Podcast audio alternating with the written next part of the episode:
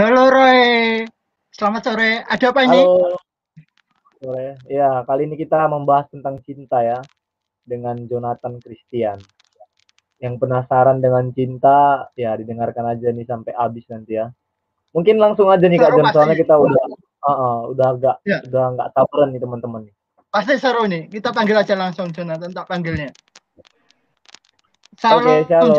Jonathan. Halo, Gimana kabarnya? halo Kak. Apa kabar? Puji Tuhan, baik. Kita langsung mulai dengan diawali doa oleh Roy ya, supaya jadi berkat. Oke.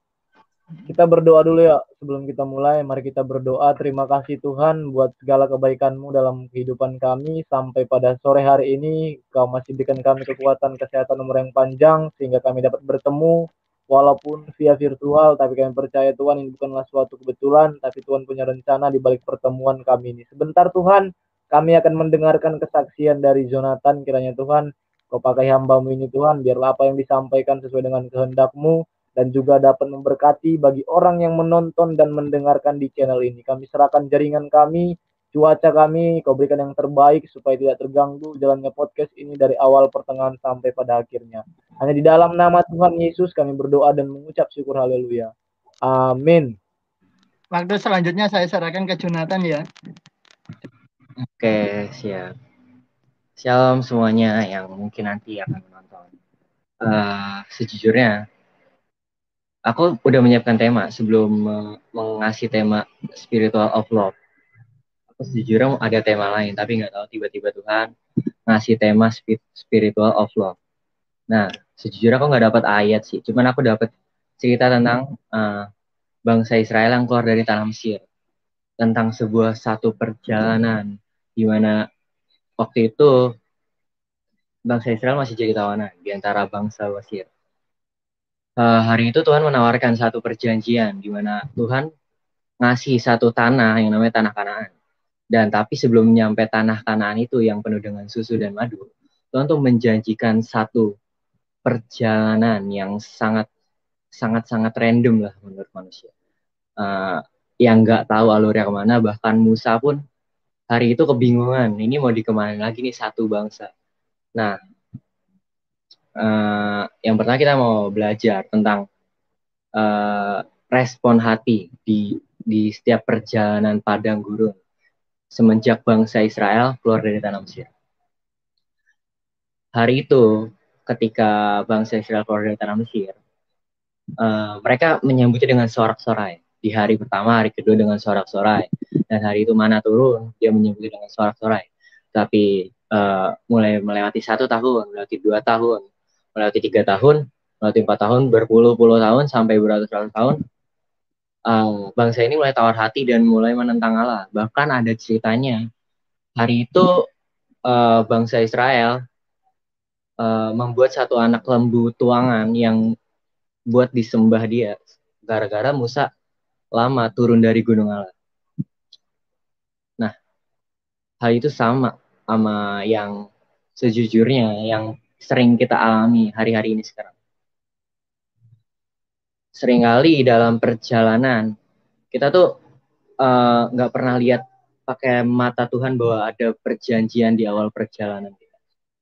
Kita tuh terus mengeluh, kita terus eh, nuntut Tuhan, kita mulai menentang Tuhan, kita, mulai kehilangan arah di masa-masa padang gurun yang yang emang mungkin gak enak di jiwa kita.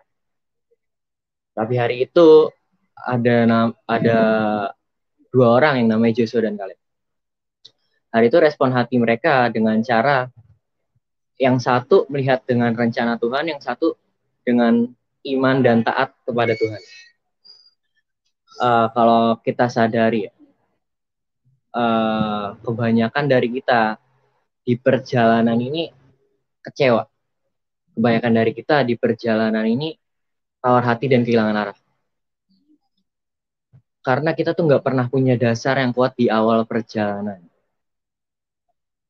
Hari itu Joshua dan Caleb sama, tapi Joshua dan Caleb punya dasar kepada Tuhan. Kalau kalian semua pernah nonton filmnya, judulnya The Moses the Musa. Hari itu Joshua dan Caleb itu uh, bukan tampil sebagai prajurit, bukan tampil sebagai apa pun, tapi dia tampil sebagai orang yang dongo disebutnya. Karena dia cuma duduk depan kemah dan ngobrol sama Tuhan. Tapi itu bisa menjadi dasar dan dia di depan tuh dia yang memegang. Uh, sejujurnya kesaksian, oh aku sebentar mau kesaksian. Jadi sebuah perjalanan yang gak enak di hidupku.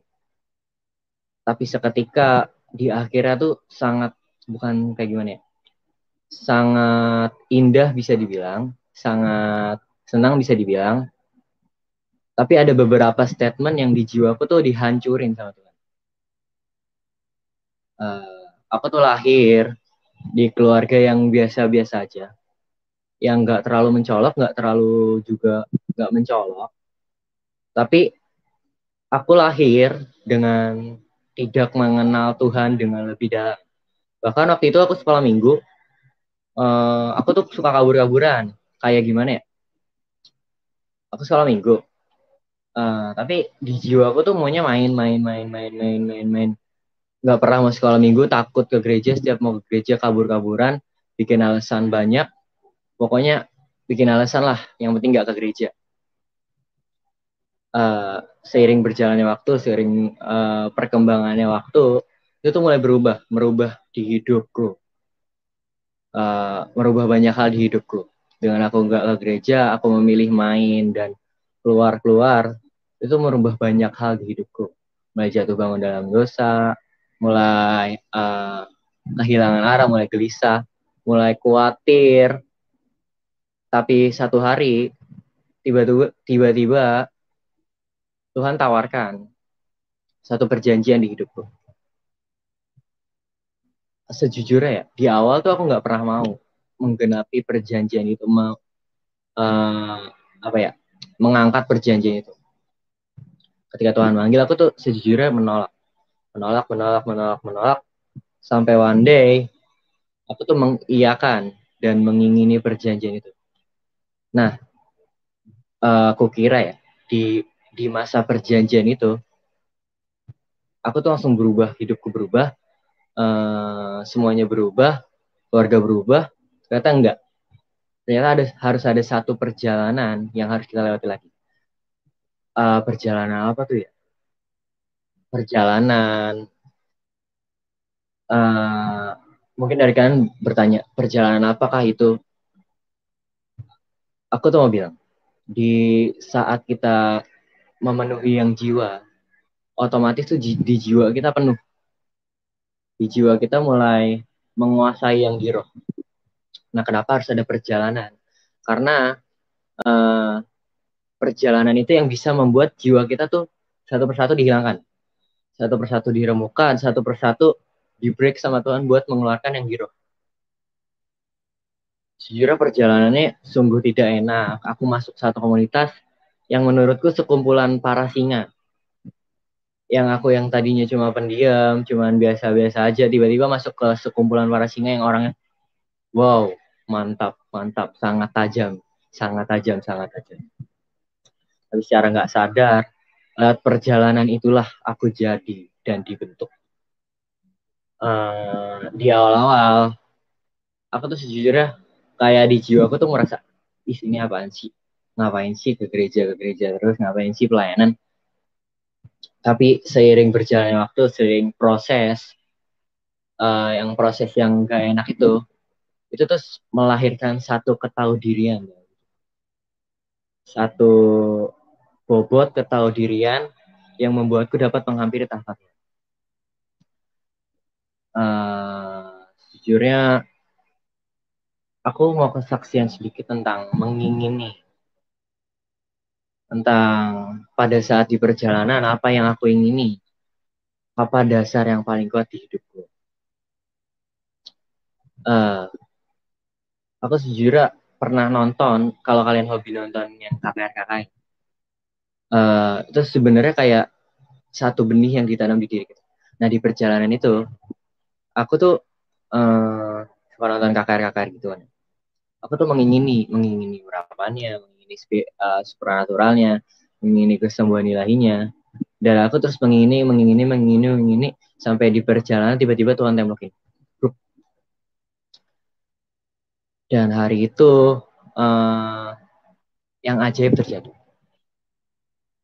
uh, sejujurnya ya sebuah perjalanan itu kalau nggak kita lewati dengan sebuah meletakkan korban itu nggak pernah bakal jadi di hidup kita. Kalau hari itu bangsa Israel cuma bisa kecewa, cuma bisa marah, cuma bisa meninggalkan Tuhan. Itu tuh nggak pernah jadi dalam hidup kita.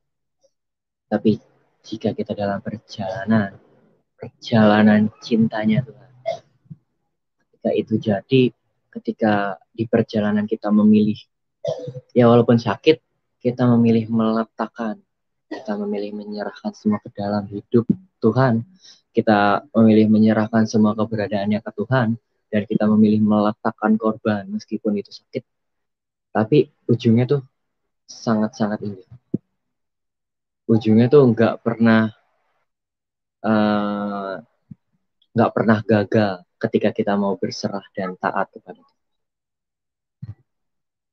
Uh, mungkin itu aja sih uh, kesaksianku yang sangat belibet ini. Sejujurnya aku kayak nggak biasa gitu kesaksian online. Cuman ya mungkin ini kairos Tuhan, ini momentum Tuhan. Dan cuma ini yang bisa aku sampaikan. Jangan tawar hati, jangan kecewa, jangan marah. Tetap taat. Kalau kau tahu kau sudah melakukan bagianmu, percayalah kau ada di perjalanan cintanya Tuhan dan akhirnya itu sangat indah. Terima kasih Tuhan Yesus memberkati. Oke, aku serahkan semuanya ke kajian Kurniawan.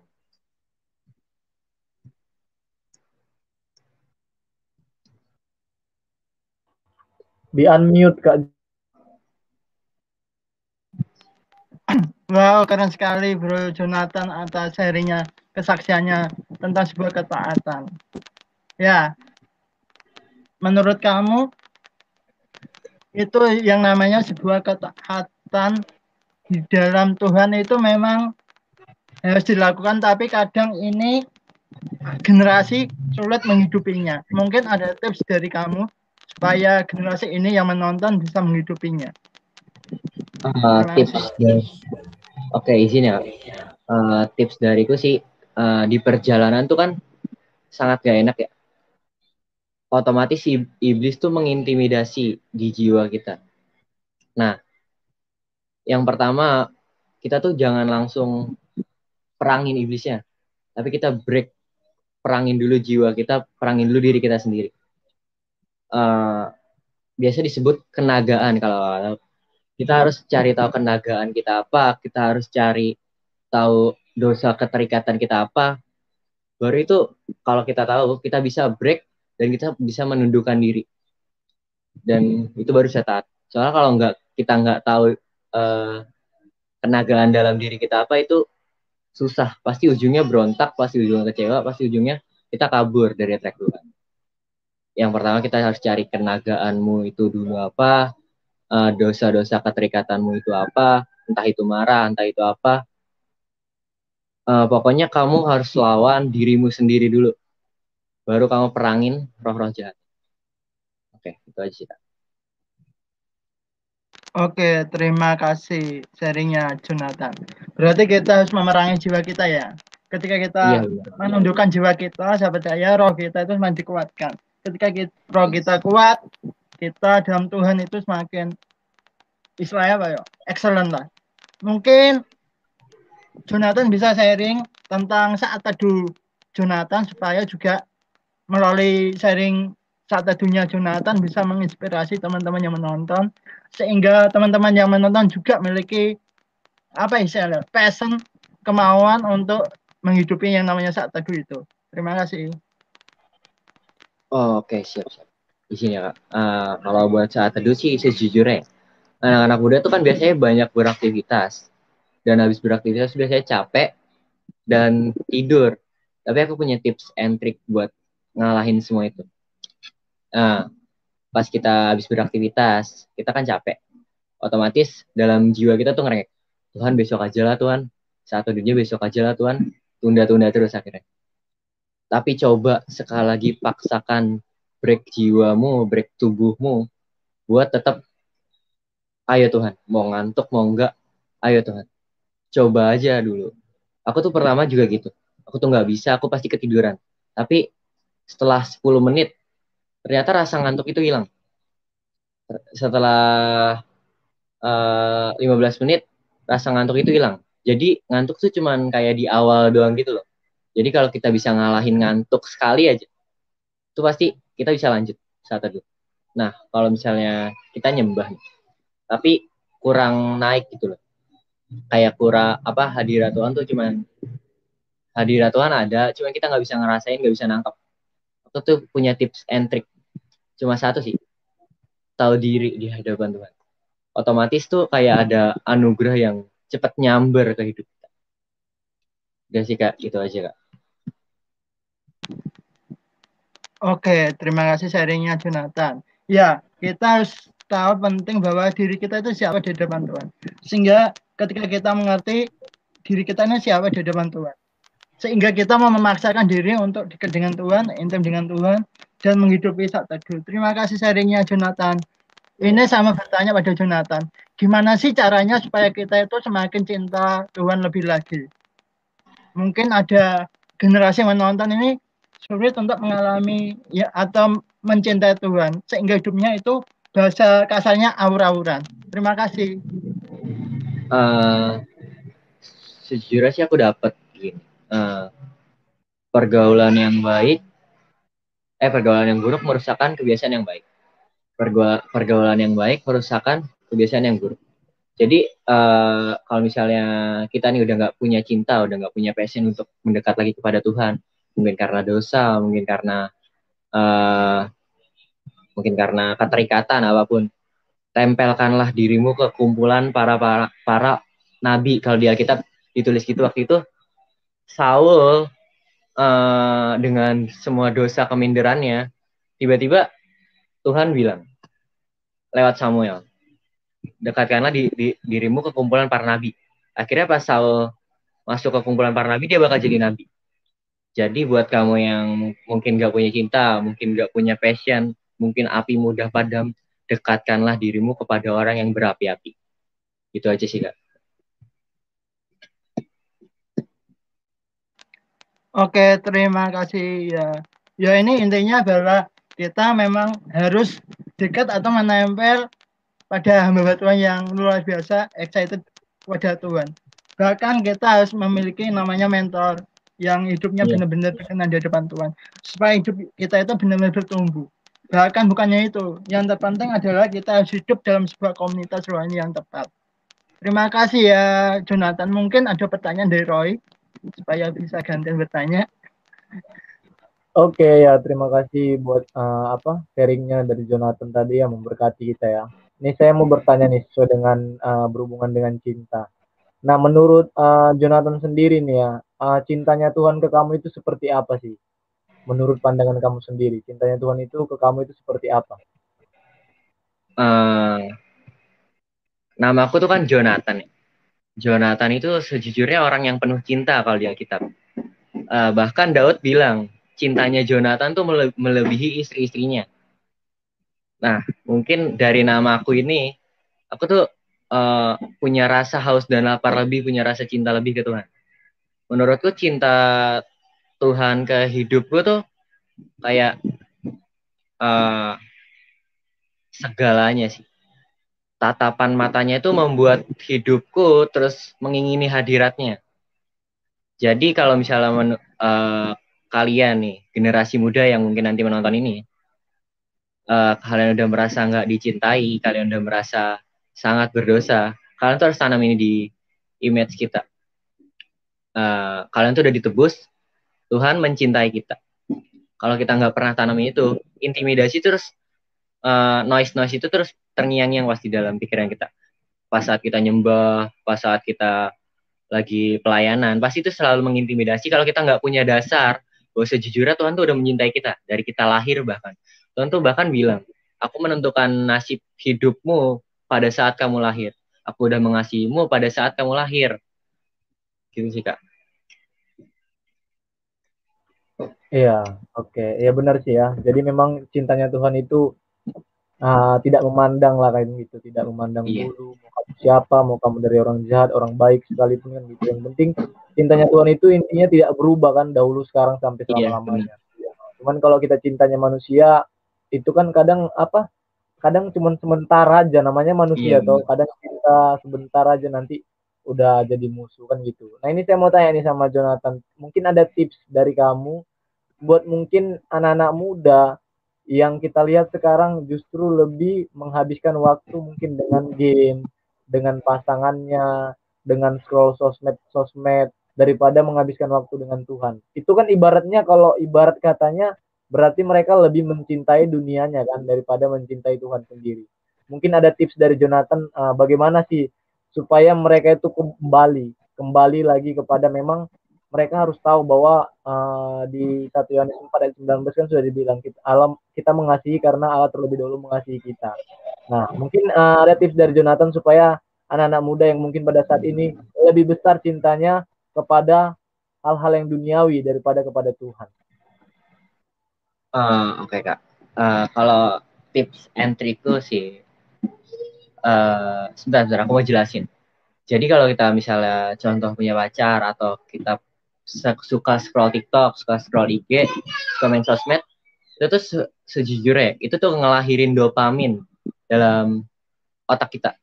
Jadi setiap kita nge-scroll ada hal-hal yang baru, dopamin itu semakin gede, semakin gede, semakin gede, dan bikin kita kecanduan. Nah, tips and trikku adalah puasa. Puasa sosmed kah? Puasa pacaran kah?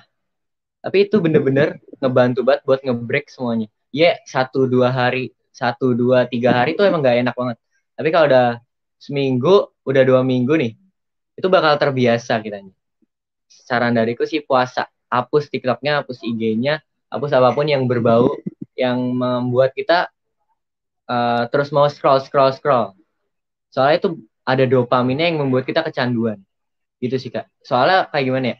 Narkoba sekarang tuh bukan yang kayak ganja apa pun itu tapi narkoba itu tuh sekarang tuh lewat TikTok, lewat Instagram yang bikin kita tuh terus scroll scroll sampai lupa waktu. Bahkan di Alkitab ditulis uh, di Wahyu berapa gitu. Pokoknya ada ayat yang nulis gini. Di zaman terakhir tuh para anak-anak Tuhan, para manusia tuh diasuh oleh robot binatang. Kalau kakak pernah baca kita uh, ayatnya mungkin. Uh, kalau kakak nangkep hari itu kan Yohanes masih belum tahu HP. Nah, kalau kakak nangkep robot binatang tuh digambarin apa sih? Digambarin HP kan, Kak? Nah, bener kan? Udah itu aja sih, Kak. Oke, ya bener sih. Jadi memang kebanyakan mereka sebenarnya nggak salah kan kalau kita menggunakan sosial media HP kan bagus. Tapi balik lagi kan, jangan sampai itu kita jadikan berhala kan. Jadi itu lebih iya, penting bener. kita buat daripada Tuhan kan sebenarnya salah kan gitu ya. Benar sih. Jadi memang kita harus uh, benar-benar menenang, menenangkan diri dulu ya menenangkan diri terus puasa. Mungkin dari seminggu mungkin beberapa hari kemudian baru kita jadi terbiasa kan gitu. Jadi kita lebih sungguh-sungguh lagi dekat sama Tuhan kan gitu. Memang terkadang uh, HP juga jadi hambatan gitu loh jadi hambatan kebanyakan kan gitu. Tapi kalau kita memang fokus kita tetap kita pergunakan HP ini ya seperti ini kan. Contohnya ini kita gunakan sosial media seperti ini kan untuk uh, menceritakan kebaikan Tuhan kan gitu untuk memuliakan nama Tuhan kan gitu. Jadi memang balik lagi ya dari diri kita sendiri kalau kita memang punya kerinduan maka kita harus merelakan itu dong kan gitu. Kalau memang kita iya, jangan kan kita kan jangan uh, sama dua tuan kan. Jadi harus pilih iya, yang benar. satu kan.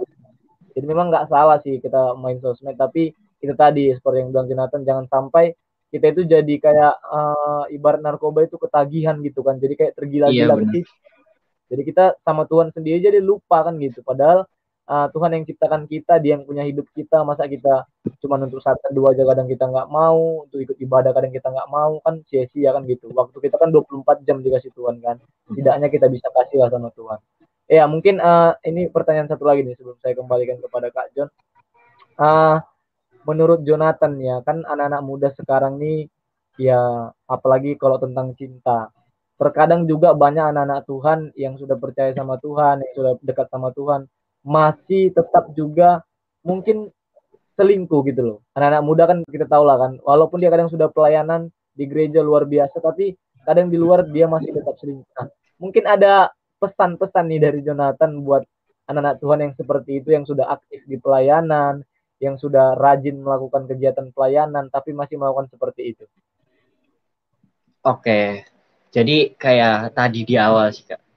Di masa padang gurun tuh sejujurnya bukan iblis duluan yang nyerang kita. Tapi jiwa kita yang nyerang kita.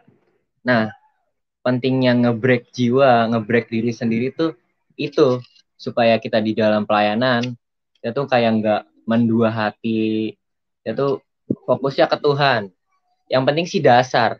Dasarmu pelayanan tuh apa?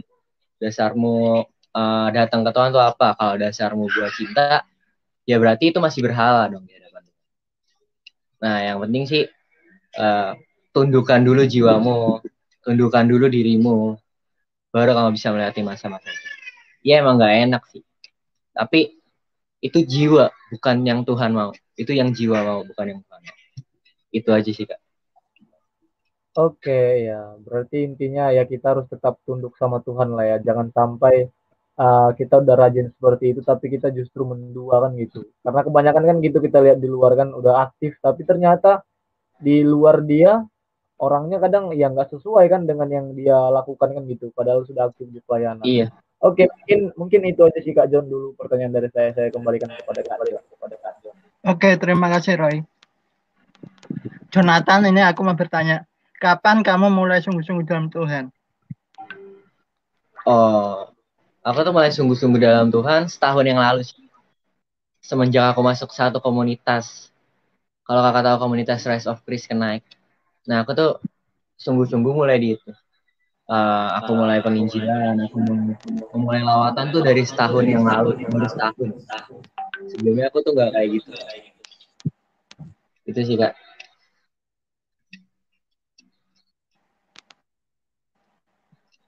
Oke, terima kasih Jonathan. Nah, tadi kan kamu mulai sungguh-sungguh dalam Tuhan itu ketika masuk dalam komunitas itu.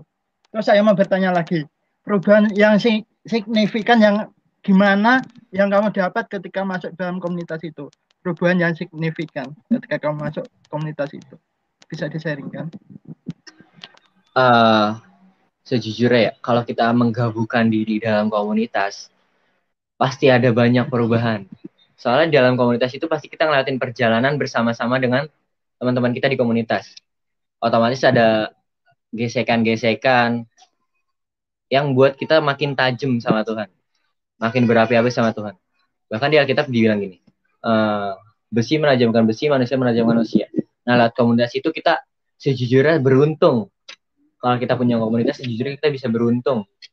Karena di dalam komunitas itu pasti kita punya mentor dan tudung yang akan terus mendidik kita sampai benar-benar kita uh, bisa mendidik orang lain lagi. Jadi perubahan yang signifikan, perubahan yang sangat banyak banget itu mulai dari cara ngomongku, mulai dari uh, keberanianku. Awalnya tuh aku orangnya sangat penakut, tapi semenjak aku masuk komunitas, semenjak aku mulai banyak bercengkrama dengan banyak orang, itu membuat aku berani, berani, berani dan sampai sekarang dan aku mulai banyak eh, belajar banyak hal lewat hamba-hamba Tuhan. Belajar banyak hal lewat mentor-mentorku lewat perjalanan mentor-mentorku. Itu sih kak. Oke wow keren sekali. Perubahannya itu ya ya progresnya itu luar biasa sih signifikan sekali. Ya kamu kan dalam satu komunitas. Mungkin kan kamu ada tindakan apa yang kamu harus lakukan untuk bisa komunitas ini tetap satu, tetap saling mengasihi, peduli satu dengan lainnya, dan bisa sehati bersama-sama melayani Tuhan. Nah, saya mau bertanya, mungkin kamu punya tips atau cara untuk kamu supaya bis, gimana bisa caranya kamu menjaga kesatuan komunitas itu satu dengan yang lainnya?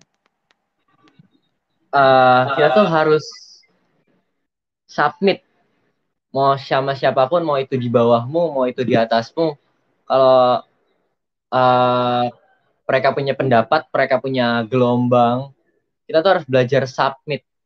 Otomatis kalau submit tuh gelombang kita sama gelombang mereka tuh masuk, jadi nyatu, jadi sangat besar dan kuat.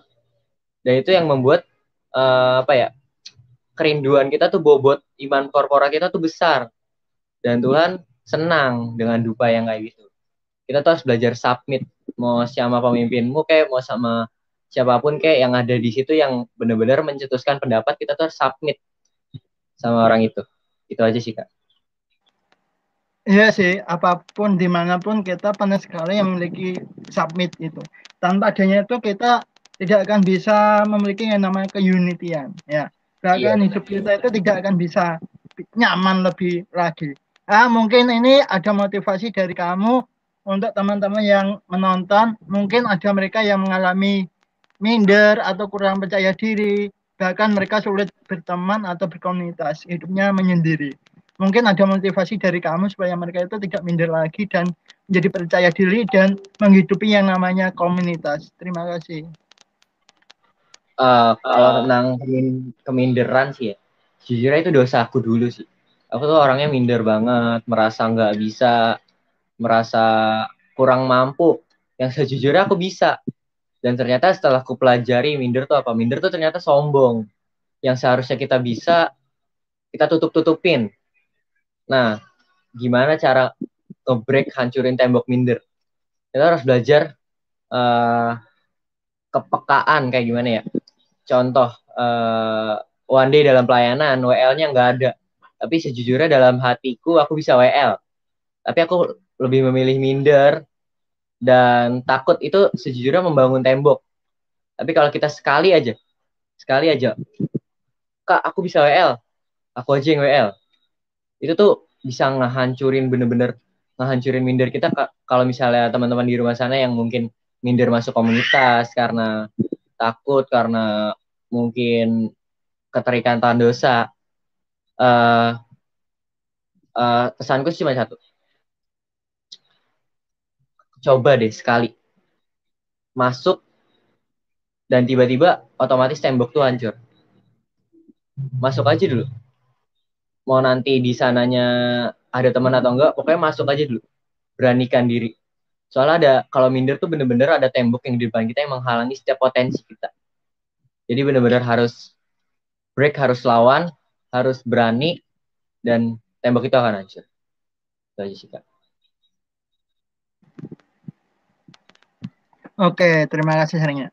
Berarti kuncinya itu yang aku dapat adalah kita sebenarnya breakthrough ya supaya hidup yeah. kita itu lebih yeah. ya, lebih cara ya lebih bahagia.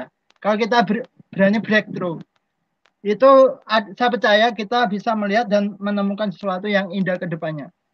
Kalau kita nggak berani ya nggak mungkin kita tahu sesuatu yang kita tahu itu kita dapatkan ketika kita mau berani melangkah atau breakthrough. Kalau kita hanya yeah.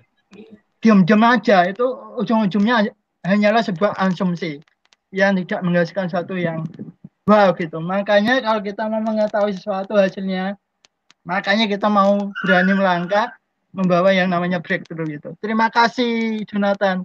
Mungkin ada motivasi dari kamu, mungkin ada teman-teman yang menonton ini lagi dalam proses perjalanannya untuk bertobat atau mau menjadi lebih baik lagi, tapi dalam perjalanannya itu dia mengalami hal yang berat, ya mengalami hal yang sukar sehingga dia itu mau menyerah. Mungkin ada motivasi dari kamu supaya teman-teman ini tetap melangkah dan mengalami pertobatan lebih lagi. Amin. Terima kasih. Oke, okay. uh, eh, sejujurnya, aku tuh sejujurnya pernah ngelewatin semuanya itu. Banyak dari kita memilih kecewa dan keluar dari Tuhan.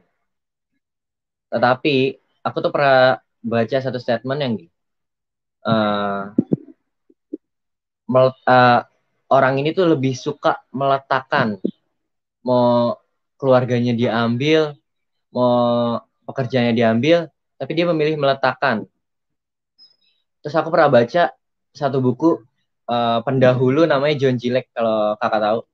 Dia itu rasul kesembuhan yang sudah banyak banget meletakkan. Di masanya pertobatannya dia, dia di masa pertobatan dianya tuh Tuhan banyak ambil yang membuat jiwanya itu senang.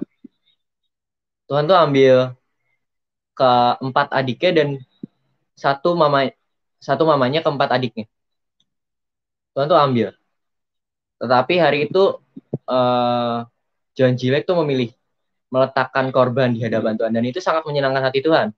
Tapi ada satu hamba Tuhan namanya Charles Templeton, dia partnernya Billy Graham kalau kakak tahu yang memulai lawatan di Afrika.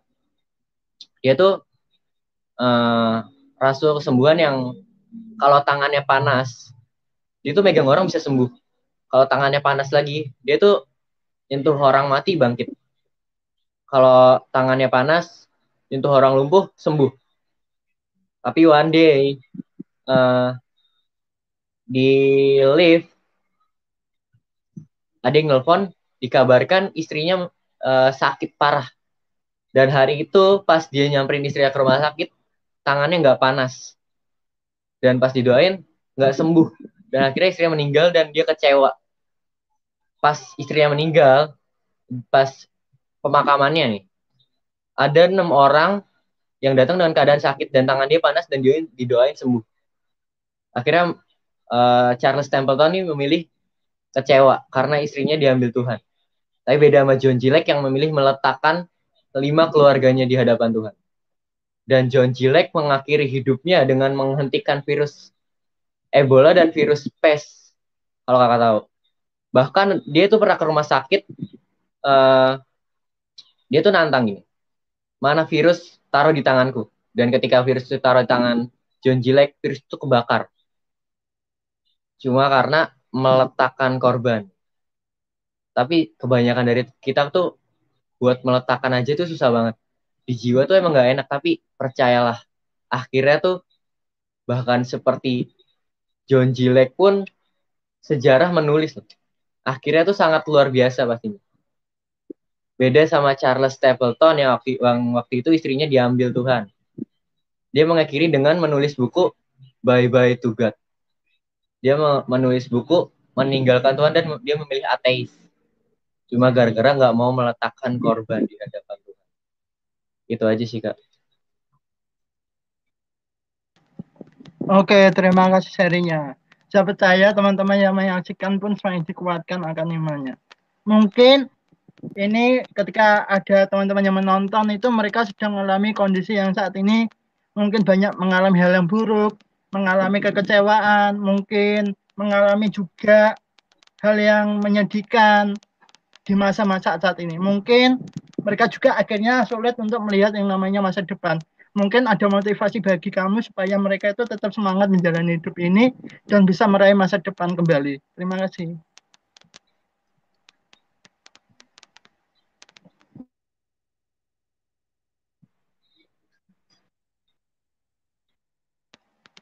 Iya kak, iya kak.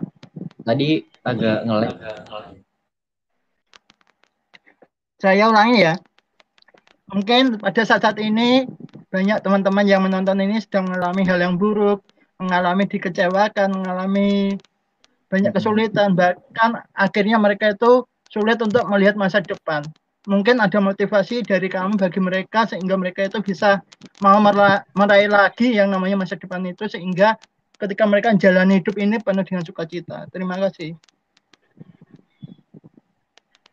Uh, sejujurnya ya, kalau kecewa itu sebenarnya one day Tuhan akan sadarin sih. Soalnya ada kisah yang kisah di Alkitab namanya Samson. Dia tuh orang yang sangat kuat, orang yang sangat ditakuti di zamannya. Tapi one day dia tuh sombong, dia tuh kecewa, dia marah. Sampai berjalan waktu, dia tuh marahnya nggak hilang-hilang, kecewa nggak hilang-hilang.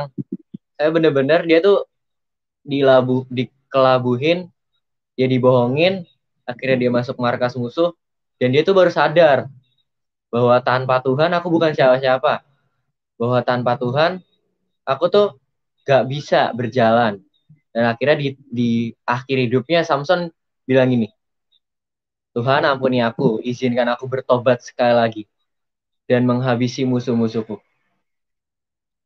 itu aja sih kak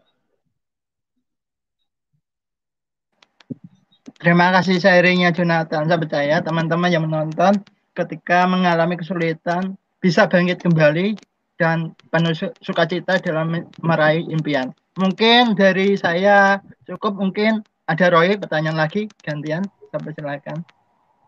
Ya mungkin ya, satu lagi satu pertanyaan uh, buat Jonathan. Ini saya mau bertanya, saya mau bertanya, maksudnya mau minta pesan.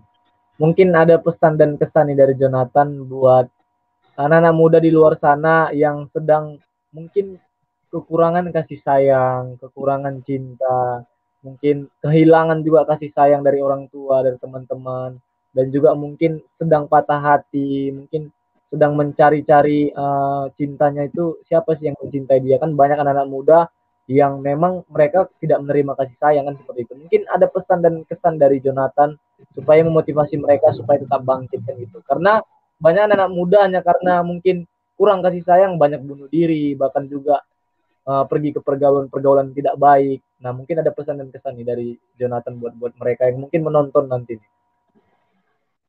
Kalau pesan kesan dariku sih uh, buat mereka yang mungkin merasa nggak disayang, broken home atau apa pun yang sedang putus cinta, pesanku sih cuma satu, perjumpaan pribadi dengan Tuhan. Karena sekali perjumpaan itu tuh ada kayak cinta yang mengalir yang buat kita tanpa Tuhan nggak bisa jalan. Aku tuh dulu dulu juga gitu. Tapi setelah aku masuk komunitas dan aku mengalami perjumpaan pribadi dengan Tuhan, itu tuh bener-bener nanam di hatiku tuh aku butuh Tuhan untuk di perjalananku kalau mungkin yang kalian gak kurang kasih sayang, mungkin kalian uh, putus cinta, gabunglah di komunitas. Komunitas apa pun gabunglah. Karena di situ kita bisa mengalami perjumpaan pribadi dengan Tuhan. Dan perjumpaan itu bisa mengubahkan masa depanmu yang tadinya buruk bisa jadi bagus. Perjumpaan itu yang bisa mengubahkan uh, image otakmu yang tadinya kau merasa nggak dicintai jadi kau mikir, aku tuh selalu butuh Tuhan. Aku tuh selalu harus dihadirat Tuhan karena kalau nggak dihadirat Tuhan aku tuh mati. Gitu sih kak.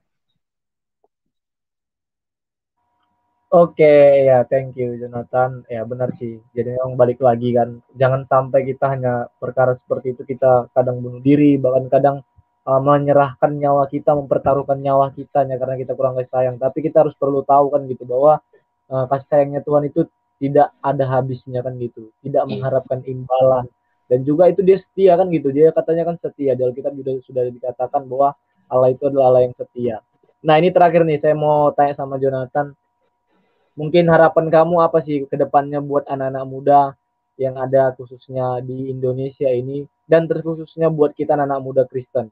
Mungkin harapan-harapan yang Jonathan uh, visi Jonathan gitu buat anak-anak muda Kristen yang ada di Indonesia ini. Mungkin bisa disampaikan di sini mungkin bisa juga uh, apa disharingkan juga di sini buat kita.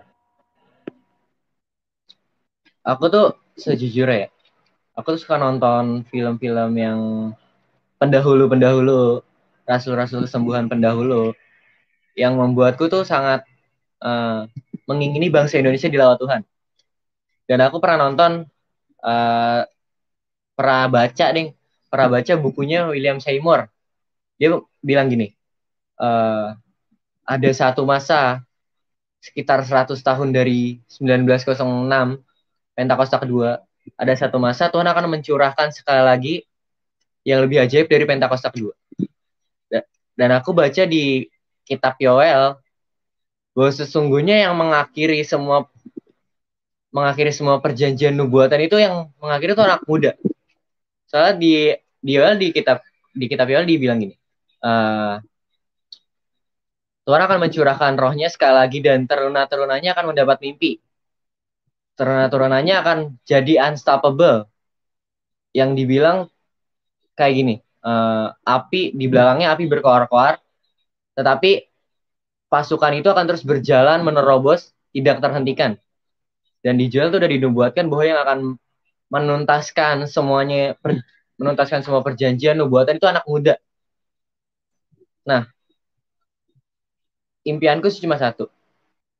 Uh, bangkit dan menjadi terang. Seperti Yesaya 60 berkata, bangkitlah dan menjadi teranglah. Sejujurnya, aku sangat jengkel sih sama COVID ini sih. Karena bener-bener ngebreak semua anak-anak muda loh. Saking menjengkelkannya. bener-bener ngebreak semua komunitas yang tadinya kita KKR, KKR, KKR, bener-bener ini ngebreak semuanya. Tapi aku percaya dengan adanya COVID ini, aku tuh tahu inilah zaman kesembuhan, di mana zaman yang dinubuatkan, di mana anak-anak Tuhan akan melakukan perkara yang lebih dahsyat dari dahulu, dari pendahulu-pendahulu yang pernah ada sebelumnya. Aku tuh percaya, kalau hari itu John Gilek, virus pest mati di tangan John Gilek, kenapa kita nggak bisa Tuhan kan bilang, kita akan melakukan perkara yang lebih dahsyat dari apa yang pendahulu kita lakukan. Kalau John Gilek bisa mematikan virus di tangannya, kita pasti juga bisa. Itu aja sih, Kak. Oke, ya thank you buat Jonathan. Ya benar sih, sebenarnya memang semua kita punya tujuan seperti itu kan. Cuman karena si COVID ini datang tiba-tiba, jadi menghambat semuanya kan gitu, menghambat pelayanan kita yang biasanya kita bisa on site ini kita online semuanya. Ya mungkin uh, itu aja mungkin pertanyaan dari saya. Uh, buat Jonathan mungkin uh, intinya tetap semangat deh. Mungkin saya kembalikan kepada Kak John kalau ada lagi. Kalau ada lagi. Mungkin dari kami sudah tidak ada pertanyaan. Jonathan bisa kasih closing statement. Habis itu tetap dalam doa pertemuan kita. Terima kasih. Tadi apa kak? Maaf Malik Jonathan mungkin bisa kasih closing statement pertemuan kita pada hari ini. Dan nanti setelah itu Jonathan bisa tutup dalam doa pertemuan kita pada hari ini. Terima kasih. Oh iya, oke siap. Uh, aku cuma mau bilang sih, buat kalian yang dulu mungkin kalian sangat berkoar-koar dalam Tuhan, tapi karena COVID ini kalian berhenti. Aku cuma bilang sih, mujizat masih ada lawatan masih ada, kesembuhan masih ada, api Tuhan, Roh Kudus masih ada. Buat kalian yang dulu pernah berkoar-koar dalam Tuhan, ayo bangkit, ayo bangkit. Tuhan mencintaimu, Tuhan menyayangimu. Ada satu perjalanan, ada satu destiny yang harus sama-sama kita tuntaskan bersama-sama. Ada satu perjanjian, ada satu warisan, ada satu tanah pusaka yang harus kita benar-benar kita tuntaskan yaitu Indonesia yang harus benar-benar kita bawa di hadapan Tuhan masuk masa lawatan. Oke semuanya. Mari kita bersatu dalam Tuhan terima kasih Tuhan terima kasih Tuhan. Tuhan biar ini menjadi sebuah hati hati kami untuk memilih cinta kepada negeri kami. Biar ini menjadi suatu kerinduan kami untuk bisa membawa jiwa-jiwa ke hadapan Biar sekali lagi Tuhan, ada perjumpaan di antara kami, ada perjumpaan pribadi lepas pribadi antara aku dan antara kami dan Engkau di dalam hidup kami. Biar sekali lagi Tuhan, mari berjalan bersama kami. Bukankah Engkau yang menentukan destiny kami? Bukankah Engkau yang menentukan nasib bangsa kami? Mari Tuhan, bukankah firmanmu berkata bahwa dunia telah menantikan anak-anak Tuhan dinyatakan? Bukankah janji dan nubuatkan itu harus dinyatakan Tuhan? Dan bukankah ini masanya Tuhan? Mari nyatakan Tuhan, ini kami bala tentara pasukanmu. Ini kami para pahlawanmu yang memilih untuk menaikkan dupa kami di hadapanmu yang memilih untuk tetap an, untuk tetap koneksi dengan Kau Tuhan. Untuk tetap memiliki koneksi ilahi dengan Kau Tuhan. Mari terus aliri anugerahmu, mari terus aliri belas kasihanmu kepada bangsa kami, kepada anak-anak muda. Tuhan kami percaya inilah masa anak-anakmu dinyatakan. Inilah masa di mana perjanjian menjadi daging dalam hidup kami. Inilah masa di mana surga menyentuh bumi biar tidak ada lagi penundaan. Sekarang sudah masanya ya Tuhan, kayak mau percaya, tidak ada lagi keterikatan, tidak ada lagi tembok yang bisa menghalangi destiny anak-anakmu Tuhan. Kayak percaya, kayak mau patahkan segala tembok-tembok, kayak mau hancurkan segala tembok-tembok yang menghalangi setiap destiny anak-anak Tuhan di dalam nama Tuhan Yesus. Mau perkatakan hancur semuanya dalam nama Tuhan Yesus. Sudah masanya para singa itu bangkit dan menjadi pahlawan-pahlawan Tuhan di akhir zaman kami mau percaya, kami mau sepakat inilah masanya, masa kebangkitan itu, masa nubuatan itu terjadi di zaman kami. Dalam nama Yesus, haleluya. Amin. Amin. Terima kasih kesaksiannya, sharingnya Jonathan. Tuhan Yesus memberkati. See you next time.